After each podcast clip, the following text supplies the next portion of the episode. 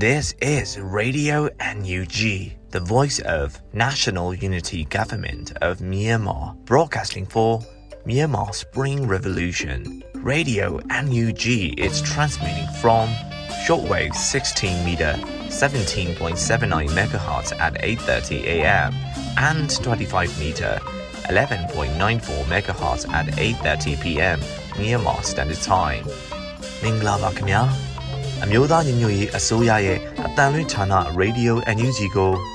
မနက်ပိုင်း၈နာရီခွဲမှာလိုင်းတို16မီတာစက္ကန့်တက်သမ9 MHz ညပိုင်း၈နာရီခွဲမှာလိုင်းတို25မီတာ17တက်သမ6 MHz တို့မှာဓာတ်ရိုက်ဖမ်းယူနိုင်နိုင်ပါပြီမင်္ဂလာအပေါင်းနဲ့ပြည့်စုံကြပါစေအခုချိန်ကစပြီး Radio NUG အစီအစဉ်တွေကိုဓာတ်ရိုက်အတန်လွှင့်ပေးနေပါပြီ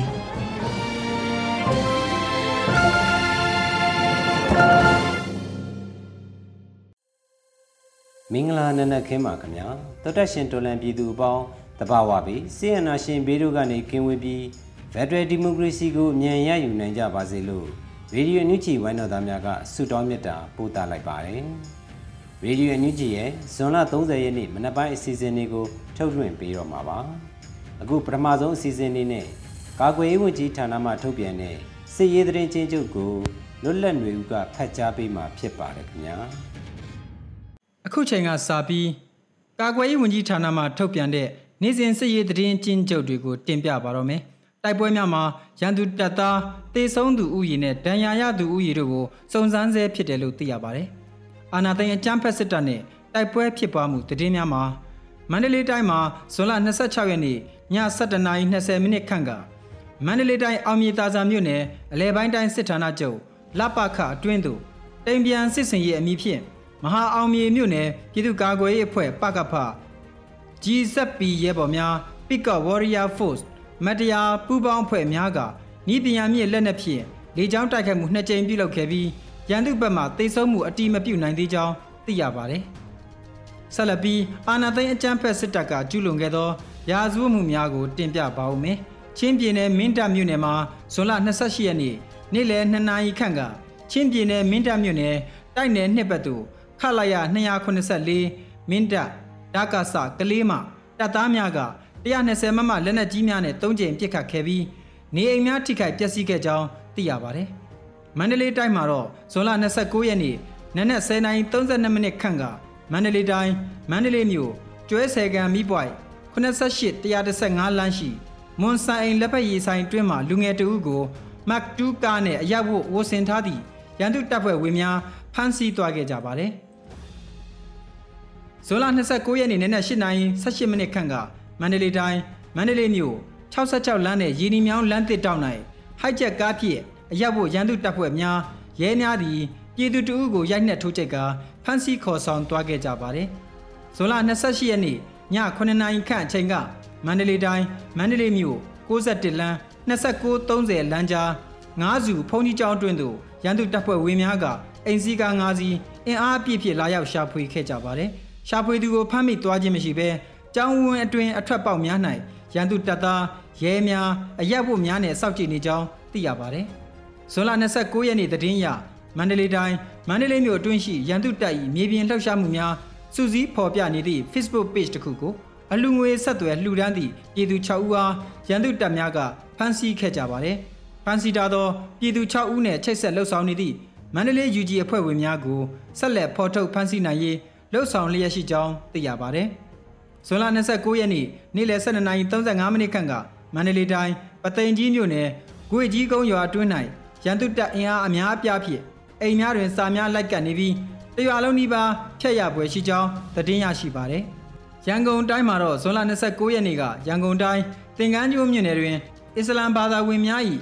အကူပါနီအစ်နှင့်ကျင်းပနေစဉ်ရန်သူတပ်ရဲစီပင်နှင့်ရက်ွက်အုပ်ချုပ်ရေးမှုပူးပေါင်းဖွဲ့က ထိုနေ့အတွက်စီစဉ်ထားသောစိတ်နဲ့နွားများကိုဝင်ရောက်ဖမ်းဆီးသွားခဲ့ပါတယ်။ရန်သူတပ်ဖွဲ့ဝင်များကနွား10ကောင်စိတ်အကောင်200ကိုစစ်ကား4စီးရဲကား3စီးစီပင်4ကား4စီးအပါအဝင်အင်အား30ကျော်လက်နက်အပြည့်စုံနဲ့ဝင်ရောက်ဖမ်းဆီးသွားခဲ့တယ်လို့သိရပါတယ်။တောတာရှင်များခင်ဗျာယခုတင်ပြပေးခဲ့တဲ့သတင်းတွေကိုမြေပြင်သတင်းတာဝန်ခံတွေနဲ့ခိုင်လုံသောမိဖက်သတင်းရင်းမြစ်များမှအခြေခံတင်ပြခဲ့တာဖြစ်ပါတယ်ခင်ဗျာ။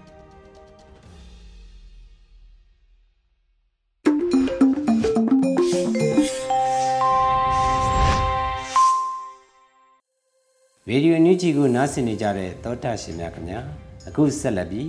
ရေဒီယိုအန်ယူဂျီရဲ့ပြည်တွင်းသတင်းများကိုလွေဦးမိုင်ကဖတ်ကြားတင်ပြပေးပါတော့မယ်ခင်ဗျာမင်္ဂလာပါရှင်အခုချိန်ကစပြီးရေဒီယိုအန်ယူဂျီရဲ့ဇွန်လ30ရက်နေ့မနက်ခင်းပြည်တွင်းသတင်းများကိုဖတ်ကြားပေးသွားပါမယ်ကျွန်မလွေဦးမိုင်ပါ ပထမဆုံးအနေနဲ့စစ်ရေးအရာဖိအားပေးမှုများကိုစစ်တိုက်လှုပ်ဆောင်သွားနိုင်ရန်လွန်စွာအရေးကြီးကြောင်းပြည်တော်စုဝင်ကြီးချုပ်ပြောကြားတဲ့သတင်းကိုတင်ပြပေးပါမယ်။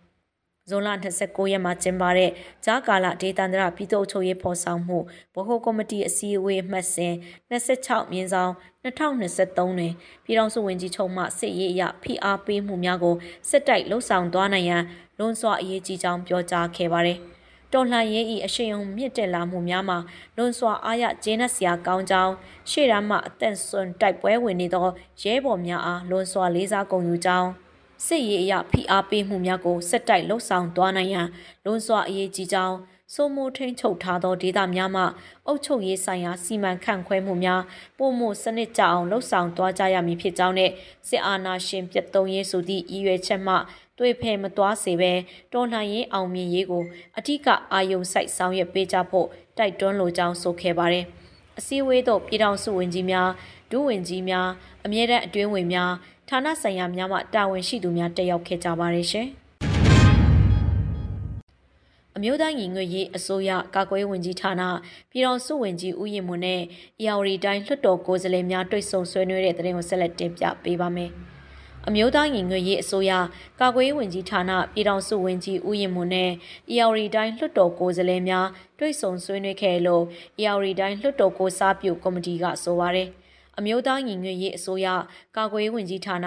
ပြည်ထောင်စုဝန်ကြီးဦးရင်မွန်းနဲ့ EOR တိုင်းလွှတ်တော်ကိုယ်စားလှယ်များတွေ့ဆုံဆွေးနွေးပွဲကိုဇွန်လ29ရက်နေ့ကြာတာပရိနေ့နေ့လယ်12နာရီအချိန်တွင်ကျင်းပခဲ့လို့ဆိုပါတယ် တွိဆုံရမှာကာကွယ်ရေးဆိုင်ရာကိစ္စရပ်များအပါအဝင်တော်လှန်ရေးဆိုင်ရာကိစ္စရပ်များအားအပြန်အလှန်ဆွေးနွေးညှိနှိုင်းခဲ့ကြပြီးမွန်လွယ်3နိုင်ခွဲအချိန်တွင်တွိဆုံဆွေးနွေးပွဲအောင်မြင်စွာပြီးဆုံးခဲ့လို့သိရပါတယ်ရှင်။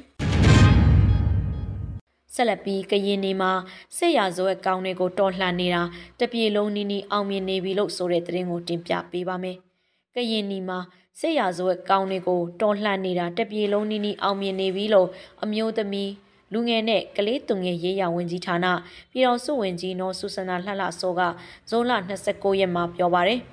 ကရင်နီပြည်ကငရုတ်တီးနဲ့ပြင်ဆင်ထားတဲ့ငပိချက်ကရင်နီငရုတ်ကဘလောက်ဆက်တယ်ဆိုတာစားဖို့သူတိုင်းသိမှာပါ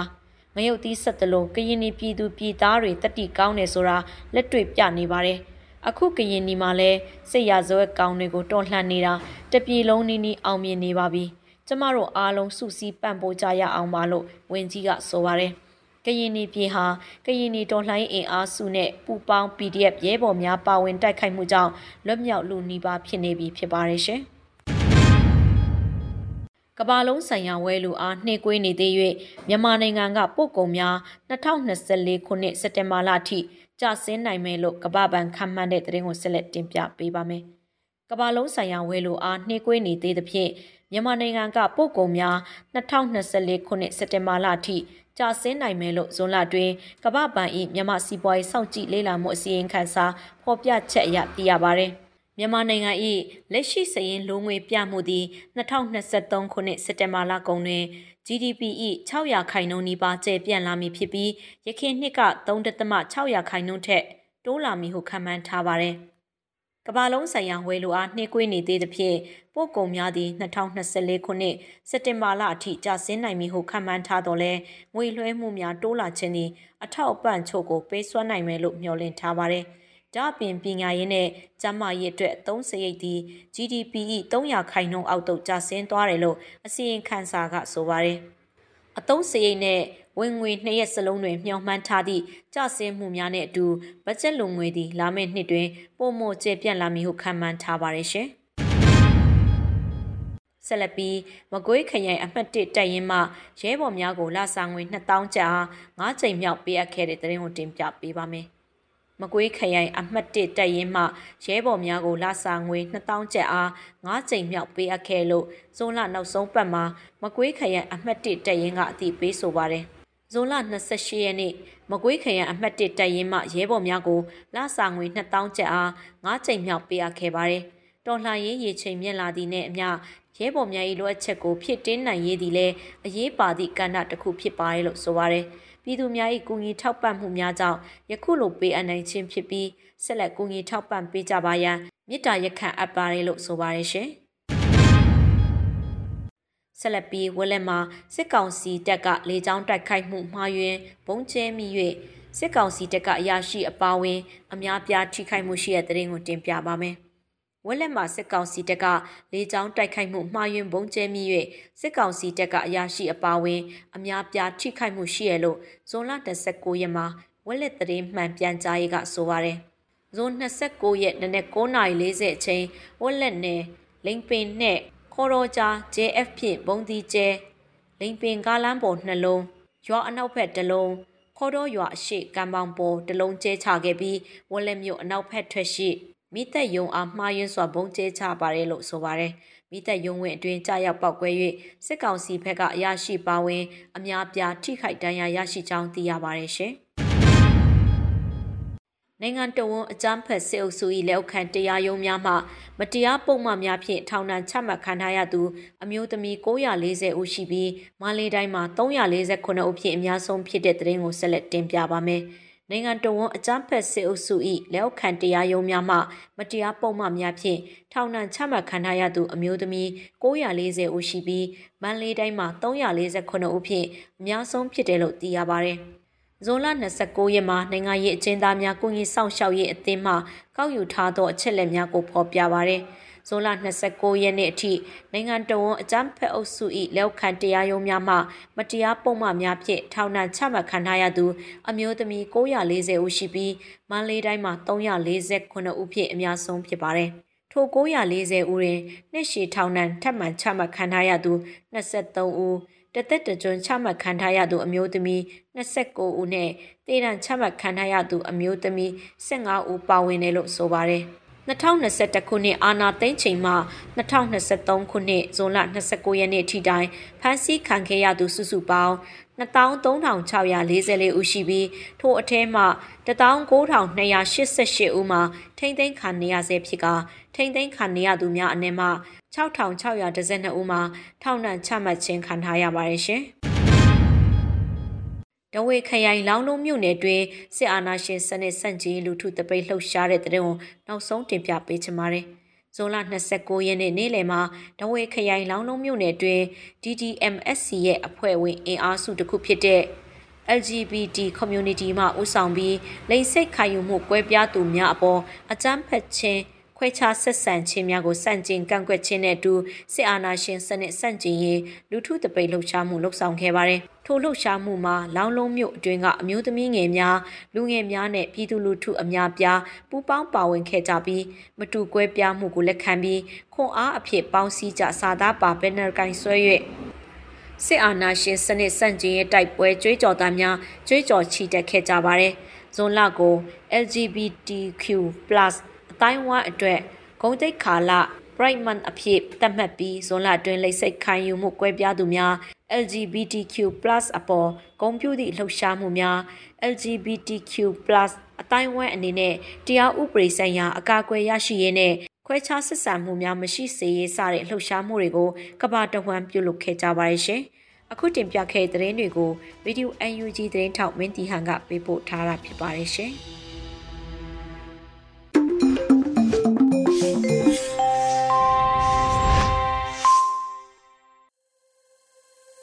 ရေဒီယိုနူးဂျီရဲ့မနက်ပိုင်းထုတ်လွှင့်မှုအစီအစဉ်တွေကိုဆက်လက်ထုတ်လွှင့်ပေးနေပါတယ်။အခုတစ်ခါမှာတော့တေယောဇာကဏ္ဍအစီအစဉ်မှာအဟာစရာရေးသားထားပြီးလွတ်လပ်နေဦးဖတ်ကြားပေးထားတဲ့ဘိုးရောင်းပွဲတော်ဆိုတဲ့တေယောဇာကဏ္ဍကိုနားဆင်ကြတော့မှာဖြစ်ပါတယ်ခင်ဗျာ။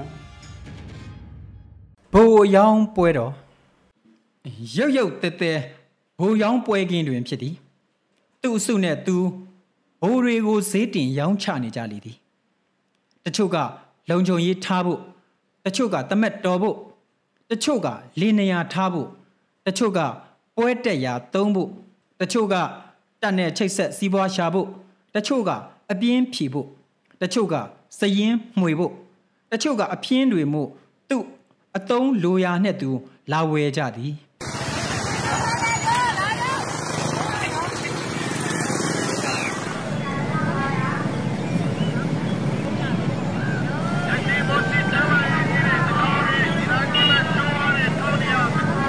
ထို ဈေးခင်းတဲ့ကတခုသောဆိုင်တွင်ဒီဘိုကြီးကနှစ်နှစ်ရရဘိုကြီးမဟုတ်ဘူးဈေးအကြီးဆုံးပဲဆိုသောအတန်ဆွဆွာကိုကြားရသည်ဘာလို့ဈေးကြီးဆုံးဖြစ်ရတာလဲ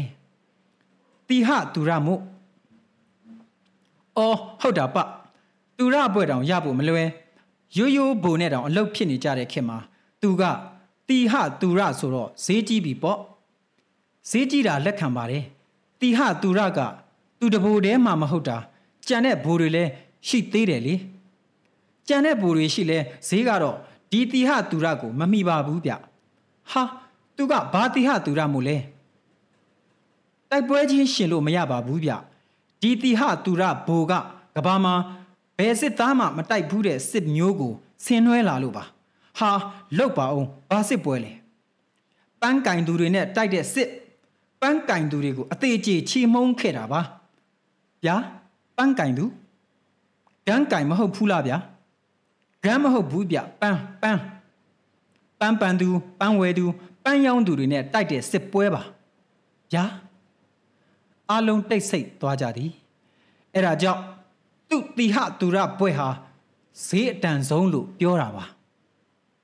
စောစောကဟောင်းပွားဟောင်းပွားလုပ်နေသူအလုံးငြိမ်ကျသွားတော့သည် ဘယ်သူမှဈေးမခေါ်ရဲတော့အလုံးစောက်တတတနဲ့တက်မကိုစီချပြီးဝစီပိတ်ကာထွက်ခွာသွားကြသည်ဝယ်သူမရှိဈေးခေါ်သူလဲဘာဆက်လုပ်ရမှမသိတက်ပြင်းအကြိမ်ကြိမ်ချတခြားကြိတ်ကြိတ်တိုးနေတဲ့ဘိုးရောင်းပွဲတွေစီငေးရီကနေ၍နေ၍နေလီတော့ချီတီတမုံ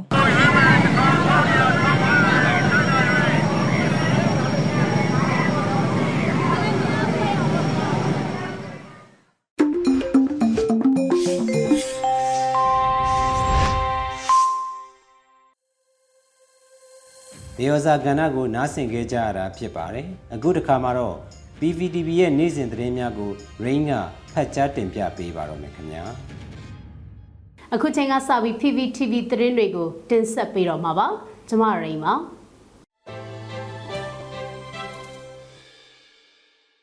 ပထမဆုံးအနေနဲ့တင်ဆက်ပေးခြင်းတဲ့သတင်းကတော့အမေရိကန်နဲ့အိန္ဒိယနိုင်ငံတို့အနေနဲ့အမျိုးသားညွတ်ရေးအစိုးရနဲ့ဒီမိုကရေစီအင်အားစုတွေကိုထိရောက်တဲ့ပံ့ပိုးကူညီမှုတွေနဲ့ပူးပေါင်းဆောင်ရွက်မှုတွေလှုပ်ဆောင်ပေးဖို့ CRPH တိုက်တွန်းတဲ့သတင်းမှာအမေရိကန်နဲ့အိန္ဒိယနိုင်ငံတို့အနေနဲ့အမျိုးသားညွတ်ရေးအစိုးရနဲ့ဒီမိုကရေစီအင်အားစုတွေကိုထိရောက်တဲ့ပံ့ပိုးမှုတွေကိုတိုးမြင့်လှုပ်ဆောင်ပေးဖို့အတွက် ပြည်ထောင်စုလွှတ်တော်ကိုစားပြုကော်မတီ CRPH ကလေးလေးနက်နက်ထပ်မံတိုက်တွန်းတောင်းဆိုလိုက်ပါတယ်။အမေရိကန်နိုင်ငံနဲ့အိန္ဒိယနိုင်ငံတို့ရဲ့ပူးတွဲကြေညာချက်ကိုဇွန်လ22ရက်မှာထုတ်ပြန်ခဲ့ရာအဆိုပါထုတ်ပြန်ချက်နဲ့ဆက်လင်းပြီး CRPH ကဇွန်လ28ရက်စွဲနဲ့ကြေညာချက်ထုတ်ကအခုလိုတောင်းဆိုလိုက်တာပါ။ထုတ်ပြန်ချက်ထဲမှာမြန်မာနိုင်ငံမှာငြိမ်းချမ်းရေးဒီမိုကရေစီလူ့အခွင့်အရေးနဲ့တရား မျှတမှုတို့ဖော်ဆောင်ပေးနိုင်ရန်နဲ့ Federal Democracy နိုင်ငံတော်သစ်တည်ဆောက်နိုင်ရေးအတွက်လက်ရှိမှာဆီအာနာရှင်စနစ်ဖယ်ရှားချုပ်ငြိမ်းရေးမှာအဓိကဖြစ်ရာအမေရိကန်နဲ့အိန္ဒိယနိုင်ငံတို့အနေနဲ့အမျိုးသားညွတ်ရေးအစိုးရ NUG နဲ့ဒီမိုကရေစီအင်အားစုများအားထိရောက်သောပံ့ပိုးကူညီမှုတွေနဲ့ပူးပေါင်းဆောင်ရွက်မှုတွေကိုတိုးမြင့်လှုပ်ဆောင်ပေးရန်အတွက်တိုက်တွန်းတောင်းဆိုတာဆိုပြီးဖော်ပြထားပါတယ်။ 2023ခုနှစ်ဇွန်လ22ရက်နေ့မှာထုတ်ပြန်ခဲ့တဲ့အမေရိကန်နိုင်ငံနဲ့အိန္ဒိယနိုင်ငံတို့ရဲ့ပူးတွဲထုတ်ပြန်ချက်ကနှစ်နိုင်ငံအကြားမှာတာမကမြန်မာနိုင်ငံအပါအဝင်ကမ္ဘာနိုင်ငံများအပေါ်နှစ်နိုင်ငံကောင်းဆောင်များရဲ့ကတိကဝတ်ကောင်းများဖြစ်ပြီးကမ္ဘာကြီးတည်ငြိမ်အေဂျင့်ရေးနဲ့ရေရှည်တည်တံ့ဖွံ့ဖြိုးရေးတို့အတွက် များစွာအကျိုးဖြစ်ထွန်းသောရလဒ်များကို အကောင့်ထဲဖော်နိုင်လိမ့်မယ်လို့ CRPH ကအခိုင်အမာယုံကြည်တယ်လို့ဖော်ပြထားပါတယ်။အထူးသဖြင့်ရင်ပူတွဲထုတ်ပြန်ချက်အပိုက်30မှာပါရှိတဲ့တရားမဝင်အာဏာသိမ်းစစ်ကောင်စီကဥပဒေမဲ့ဖမ်းဆီးချုပ်နှောင်ထားသူအလုံးကို ပြန်လွှတ်ပေးရင်းနဲ့အလုံးပါဝင်သော Federal Democracy စနစ်အား ဖဖော်ဆောင်နိုင်မဲ့မြန်မာနိုင်ငံရဲ့အသွင်ကူးပြောင်းရေးစတဲ့တောင်းဆိုချက်များကို CRPH ကထောက်ခံကြိုးဆိုရဲဆိုပြီးတော့လည်းဖော်ပြထားပါတယ်။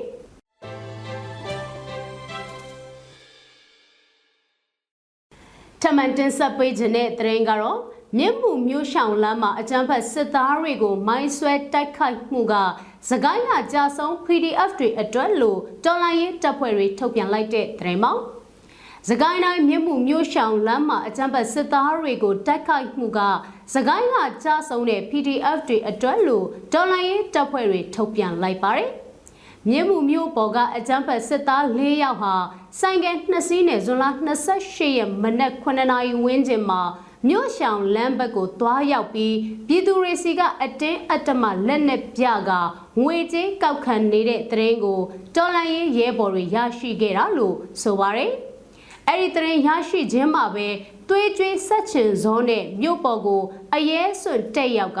ဒီအကြမ်းဖက်စစ်သားတွေကို မိုင်းဆွဲတိုက်ခိုက်ခဲ့တယ်လို့ DKPDF MUU ရဲ့ထုတ်ပြန်ချက်မှာဖော်ပြထားပါတယ်။ဒီတိုက်ခိုက်မှုကြောင့်အကြမ်းဖက်စစ်သားတွေစီးလာတဲ့ဆိုင်ကယ်နှစ်စီးဟာတာယာပွင့်ထွက်သွားပြီးနှစ်ဦးသေဆုံးကကျန်နှစ်ယောက်မှာအပြင်းထန်ဒဏ်ရာရရှိသွားခဲ့တယ်လို့ဆိုပါတယ်။ အဆိုပါစစ်စင်ရေးကို DKPDF MMU DKDF MMU မြင့်မှုမြို့နယ်တိုက်နယ်အနောက်ချမ်းဘက်ကပကဖ DBPF MMU အစရှိတဲ့မဟာမိတ်အဖွဲ့များမှပူးပေါင်းဆောင်ရွက်ခဲ့တာဖြစ်တယ်လို့သိရပါဗျ။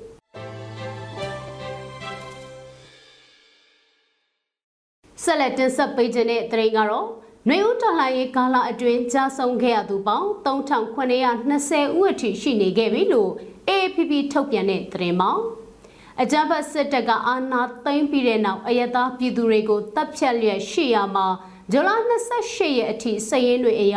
ကြာဆုံးခဲ့ရသူပေါင်း3920ဦးအထိရှိပြီဖြစ်တယ်လို့နိုင်ငံရေးအကျဉ်းသားများကုညီဆောင်ရှောက်ရေးအသင်း AAPP ကထုတ်ပြန်လိုက်ပါတယ်။ နိုင်ငံရေးအကျဉ်းသားများကုညီဆောင်ရှောက်ရေးအသင်း AAPP ရဲ့မှတ်တမ်းပြုချက်တွေအရ2021ခုနှစ်ဖေဖော်ဝါရီတရက်နေ့ကနေ2023ခုနှစ်ဇွန်လ28ရက်အထိဖမ်းဆီးချုပ်နှောင်ခြင်းခံထားရသူစုစုပေါင်း19289ဦးရှိပြီး၎င်းတို့အနက်မှာ6599ဦးမှာထောင်ဒဏ်ချမှတ်ခြင်းခံဖော်ပြထားပါတယ်။ ပြည်တံကြခံရသူတွေထဲမှာ115ဦးကတေတံချမှတ်ခံထားရတာပါ။မြက်ွယ်တေတံချမှတ်ခံထားရသူ42ဦးအပါအဝင်122ဦးမှာမျက်ွယ်ပြစ်ဒဏ်ချမှတ်ခြင်းခံထားရတယ်လို့ဆိုပါရယ်။အဲ့ဒီစည်ရင်းတွေအရဒေတန်ချမှတ်ခံထားရသူစုစုပေါင်း158ဦးရှိပြီဖြစ်တယ်လို့လည်းဖော်ပြထားပါရယ်။ အာမခံတဲ့လွတ်မြောက်လာသူက24ဦးရှိပြီးပြန်လည်လွတ်မြောက်လာတဲ့အရေးအတွက်က4356ဦးရှိတယ်လို့ဆိုဖော်ပြပါကိန်းကနအရေးအတွက်တွေက AAPP မှကောက်ယူရရှိထားတဲ့အရေးအတွက်ဖြစ်ပြီးမြေပြင်မှာဖြစ်ပွားနေတဲ့အချက်အလက်နဲ့ကိန်းကနအရေးအတွက်တွေကယခုထပ်ပုံမများပြားနိုင်တယ်လို့ဖော်ပြထားသလိုအချက်လက်တွေထပ်မံကောက်ယူရရှိလာပါက ဆက်လက်ထည့်သွင်းဖော်ပြသွားမယ်လို့ဆိုပါတယ်။အရက်ဘက်အဖွဲ့အစည်းရဲ့ခေါင်းဆောင်တွေအရက်သားတွေတက်ကြွလှုပ်ရှားသူတွေတရင်သမားတွေ CDM လှုပ်ရှားနေတဲ့ဝန်ထမ်းတွေစတဲ့နေပယ်အသီးသီးကမြည်သူမဆိုဖန်စီထိန်သိမ်းတရားဆွဲဆိုခြင်းခံထားရတာတွေနဲ့နှွေဦးတော်လိုင်းရေးကာလအတွင်းကြာဆုံးသွားသူတွေရဲ့အချက်လက်တွေကိုသိရှိပါက နိုင်ငံရေးအကျဉ်းသားများကုညီစောင့်ရှောက်ရေးအသင်း AAPP ကိုဆက်သွယ်ဖို့လည်းဖော်ပြထားပါတယ်။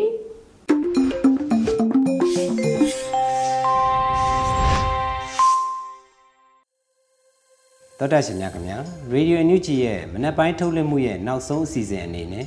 တော်လိုင်းရေးတေဂီတာအစီအစဉ်ကိုထုတ်လွှင့်ပေးတော့မှာပါ။ရေဦးချစ်သူနဲ့ KD fan တို့ရေးသားထားပြီးတူတူနဲ့ဖွဲ့တည်ဆိုထားတဲ့ Justice ဆိုတဲ့တော်လိုင်းရေးတေဂီတာကို နားတော်တာဆင်ကြရတော့မှာပဲဖြစ်ပါတယ်ခင်ဗျာ။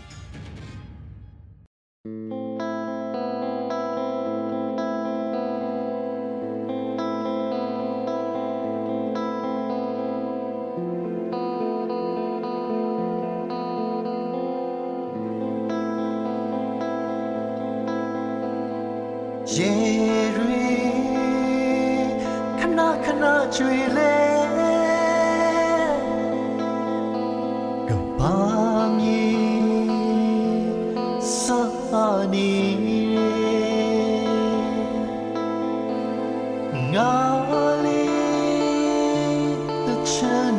是过。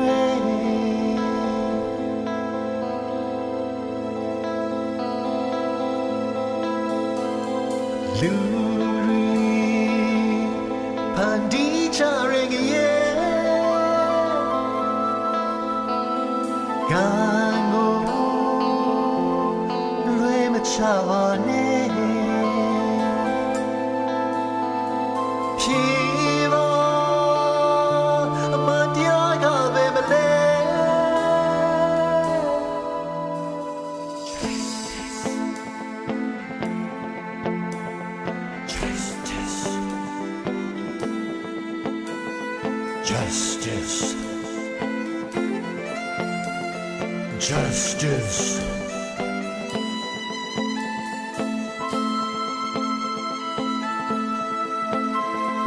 ဒီ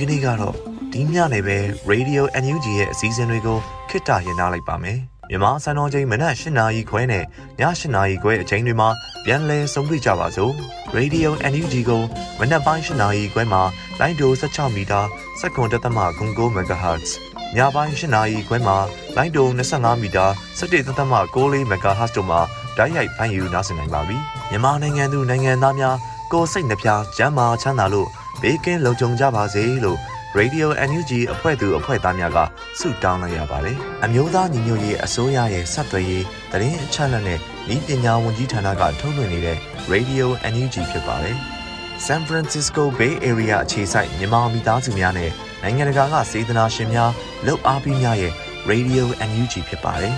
။အရေးတော်ပုံအောင်ရမည်